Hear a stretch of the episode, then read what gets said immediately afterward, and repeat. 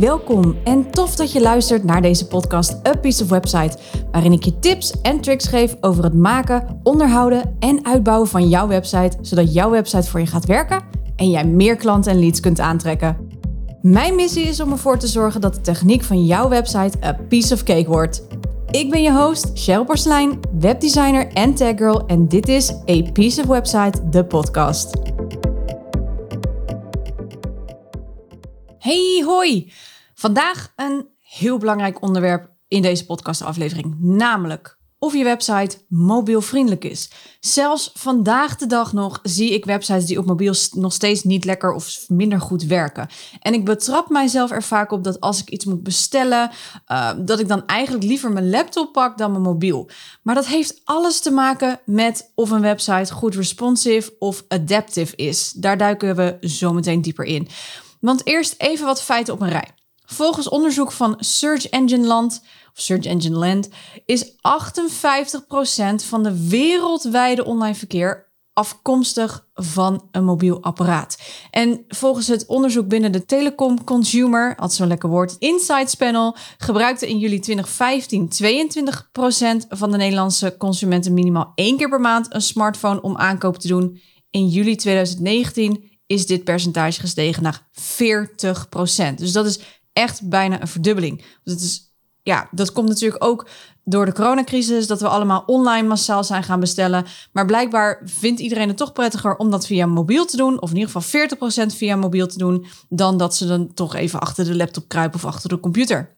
Dus dat is een teken dat jij je website natuurlijk goed voor mobiel moet optimaliseren. Want uh, ja, we gebruiken nu gewoon tegenwoordig, zeker in deze tijd, onze telefoon om een aankoop te doen bijvoorbeeld. Want hij zit gewoon standaard in onze broekzak of tas. Dus with the flick of a wrist kun je een aankoop doen of informatie zoeken. Dus het is echt heel belangrijk dat jouw website mobiel goed werkt. Want niets is frustrerender dan een website die op mobiel of tablet niet lekker werkt.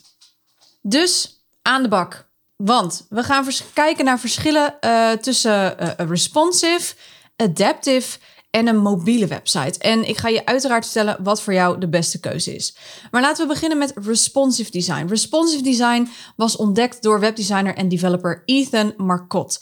Kort gezegd, responsive design reageert, response, op de veranderingen in de grootte van schermen en browsers.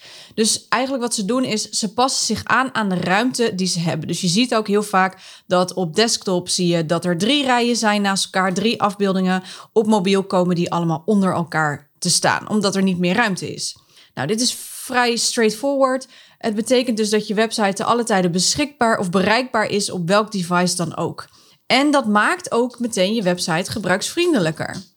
Maar dit moet wel goed doordacht worden. Want hoe kleiner het scherm, hoe minder informatie er in één oogopslag natuurlijk te zien is. En daarom is het altijd belangrijk dat je het doel van je website in de gaten houdt, ook op mobiel.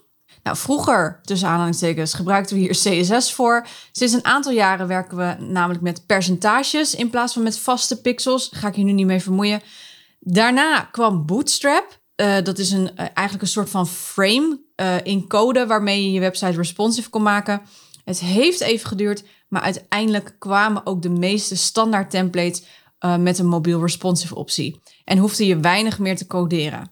Maar, dat is een grote maar, die standaard templates, zelfs vandaag de dag nog, zijn niet altijd even goed op mobiel. En aanpassen is, excuse my French, a bitch.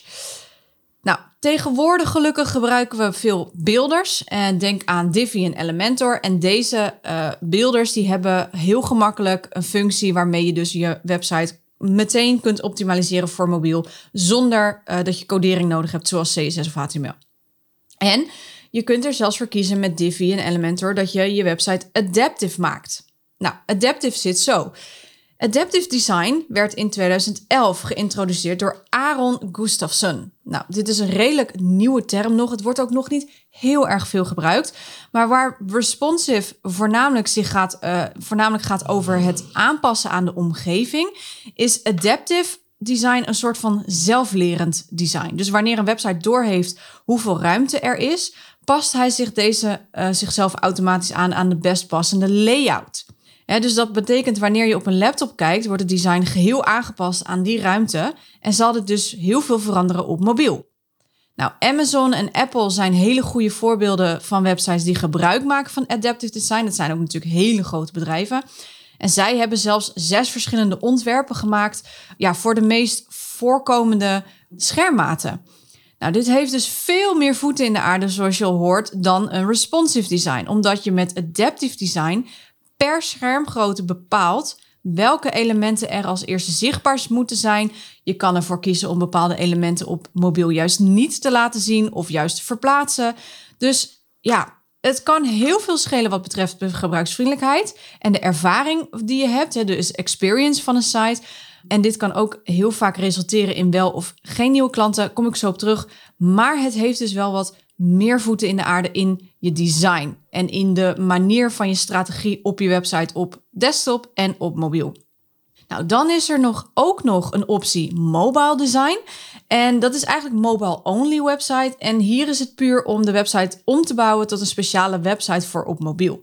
Het past zich hier dus niet per se aan aan de ruimte, maar is vastgezet. Dus eigenlijk wat je hebt in, in theorie is dat je twee losse websites hebt. Maar dan één voor desktop en uh, grotere schermen en eentje voor mobiel. Nou, dit is een tijdje een trend geweest. Dat waren de websites zeg maar, die begonnen met mobile. of mobiel. of de m. En dan de hema.nl bijvoorbeeld. Dus m.hema.nl. Dan wist je dat je op een mobile-only website terecht was gekomen. Het nadeel hiervan is dat je twee websites bij moet houden. Het kost je dus echt wel ontzettend veel tijd en werk en vooral voor heel veel bedrijven geld om dus ja, twee websites bij te houden. Dus eigenlijk is dat idee gelukkig, zeker nu we de nieuwe builders hebben, is dat een beetje verwaterd. Want we willen tenslotte efficiëntie en niet dag en nacht bezig zijn met allerlei website updaten. Want ja, als je je website op mobiel hebt gedaan, moet je die ook natuurlijk op desktop bij moeten werken. Dus dat kan een beetje zonde zijn van je tijd en van je werk, maar ook van je geld. Want eigenlijk zit je dus gewoon dubbel werk te doen, wat je tegenwoordig dus kunt oplossen met die builders.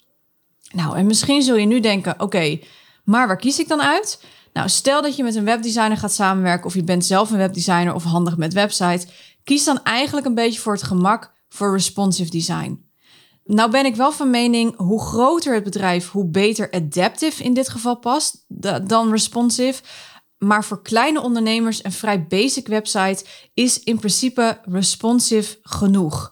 Dat zeg ik wegens twee redenen. Eén, voor een kleine ondernemer, of in ieder geval een ZZP'er en misschien ook MKB-bedrijven, is het simpeler en less is more. Je hoeft niet te veel na te denken over waar je wat wilt hebben.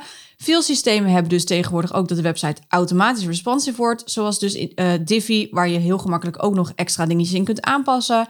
Het vergt dus vrij weinig input van jou om een goed werkende website op mobiel er goed uit te laten zien.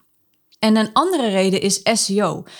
Je wil namelijk dat je website goed gevonden wordt in Google. Nou, het blijkt dus zo te zijn dat uh, responsive design, omdat je eigenlijk ook niks verandert aan tekst, uh, plaatjes, uh, tags, nou noem het allemaal op, dat responsive websites gebruiksvriendelijker, maar ook search engine vriendelijker zijn. Dus de vindbaarheid in Google omdat er geen andere dingen tussen aanhalingstekens verschijnen. Het blijft dus eigenlijk gewoon één en dezelfde website. Het past zich alleen aan aan de ruimte. Maar alle tekst en alles wat je al gebruikt hebt, dat blijft hetzelfde. Om, dat komt omdat adaptive design past zich dus aan aan het design. De layout past zich aan aan de ruimte die beschikbaar is. En het kan dus zomaar zijn dat er bepaalde dingen wegvallen, bepaalde dingen extra juist toegevoegd worden of bepaalde dingen verplaatst worden om die optimale gebruiksvriendelijkheid te kunnen waarborgen. Um, dat betekent dus ook dat die search engine uh, op een andere manier uh, ja, die website moet gaan opnieuw lezen. Dus dat kan best wel veel invloed hebben op de search engine optimization, dus je SEO. Maar adaptive design heeft dus wel weer een iets betere gebruiksvriendelijkheid. Het is namelijk een op maat oplossing, zoals de naam zegt ook. Hè? Het adapts, het past zich aan aan de gebruikersbehoeften. Dus je kunt hier wel wat meer controle op uitoefenen wanneer iemand bijvoorbeeld uh, een andere schermafmeting ziet. Dus je kan bijvoorbeeld spelen met knoppen, bepaalde timingen in, in uh, formulieren, dat soort dingen. Je kan daar heel erg mee, mee spelen. Maar voor kleinere bedrijven zoals jij en ik, ZZP'ers, kleine MKB-bedrijven, is adaptive design echt heel veel werk. En is het, ja, is het de vraag of je dat moet doen? Ik vind persoonlijk voor uh, kleinere bedrijven niet. Uh, voor grote bedrijven zoals een Apple, Amazon, maar ook een IKEA, Bol.com, is adaptive design bijna een must. Voornamelijk omdat dit soort grote websites, dit zijn enorme grote platformen, ja, die moeten op mobiel net zo goed werken als op een groot scherm. En ik zie ook heel veel van dit soort websites, zoals IKEA, heeft allerlei animaties in zitten. Ja, dat moet gewoon goed werken op mobiel. Dus bij hun zal dat adaptive echt wel een soort van verplichte kost zijn. Maar zij hebben ook het geld daarvoor om daarin te investeren. En als jij natuurlijk zelf handig bent met websites, dan zou ik zeker eens kijken of je uh, er eens een keer mee kunt spelen. Maar voor kleine ondernemers is een responsive website dus gewoon jouw website waarmee alles netjes onder elkaar komt te staan zonder dat je ineens hele grote wijzigingen gaat doen op mobiel. Is dat in principe meer dan genoeg? Zolang je goed in je achterhoofd houdt dat je weet, oké, alles komt onder elkaar te staan. Het kan zomaar zijn dat je zegt, nou, deze uh, tekst moet er dan wel boven in plaats van eronder. Um, dat is prima. Maar ga niet hele rigoureuze dingen verwijderen, veranderen, verplaatsen naar andere pagina's, doorklikken, et cetera. Want dat heeft heel veel invloed dus op die SEO. En daarnaast is het natuurlijk ook gemakkelijk en het vergt het minste energie, tijd en geld. En dat is iets wat, wat kleinere ondernemers natuurlijk heel erg waarderen. Uh, want ja, nogmaals, je wilt niet de hele dag of 24 uur per dag of 7 dagen per week aanpassingen moeten doen aan je website. Je wil gewoon voor je klanten werken. En in dit geval uh, vind ik less is more. Maar hij moet, hoe dan ook, ook al is het less is more, uh, je website moet altijd mobielvriendelijk zijn. En of je nou kiest voor responsive dus dat die zich gewoon netjes aanpast. Of adaptive, dat jij een hele andere layout kiest voor op mobiel. Dat is aan jou. Mijn advies zou zijn, als klein ondernemer kies voor responsive. Als grote ondernemer kies voor adaptive. En hou het voor jezelf in ieder geval zo simpel mogelijk. Right? Nou, dat was hem. Ik uh, ga hem afsluiten, want ik kan me voorstellen dat dit uh, best wel een technisch verhaal is. In ieder geval is het gewoon heel erg belangrijk dat je gaat kijken: is je mobiel goed uh, bereikbaar en werkt die ook goed op mobiel? Je website dan. als je nou denkt van ik weet niet of het zo is, vraag dan gewoon mensen om naar je mobiel website te kijken. Hè? Dus dat ze gewoon even jouw website via hun mobiel, via een WhatsApp bericht even openen op hun mobiel. En als je denkt van nou, ik wil echt weten hoe mijn website überhaupt werkt, dan kun je bij mij altijd een website-analyse boeken, mocht je dat fijn vinden. Ik ga je met rust laten. ik wens je een hele fijne dag. Tot de volgende aflevering en uh, succes met je website. Alright, ciao!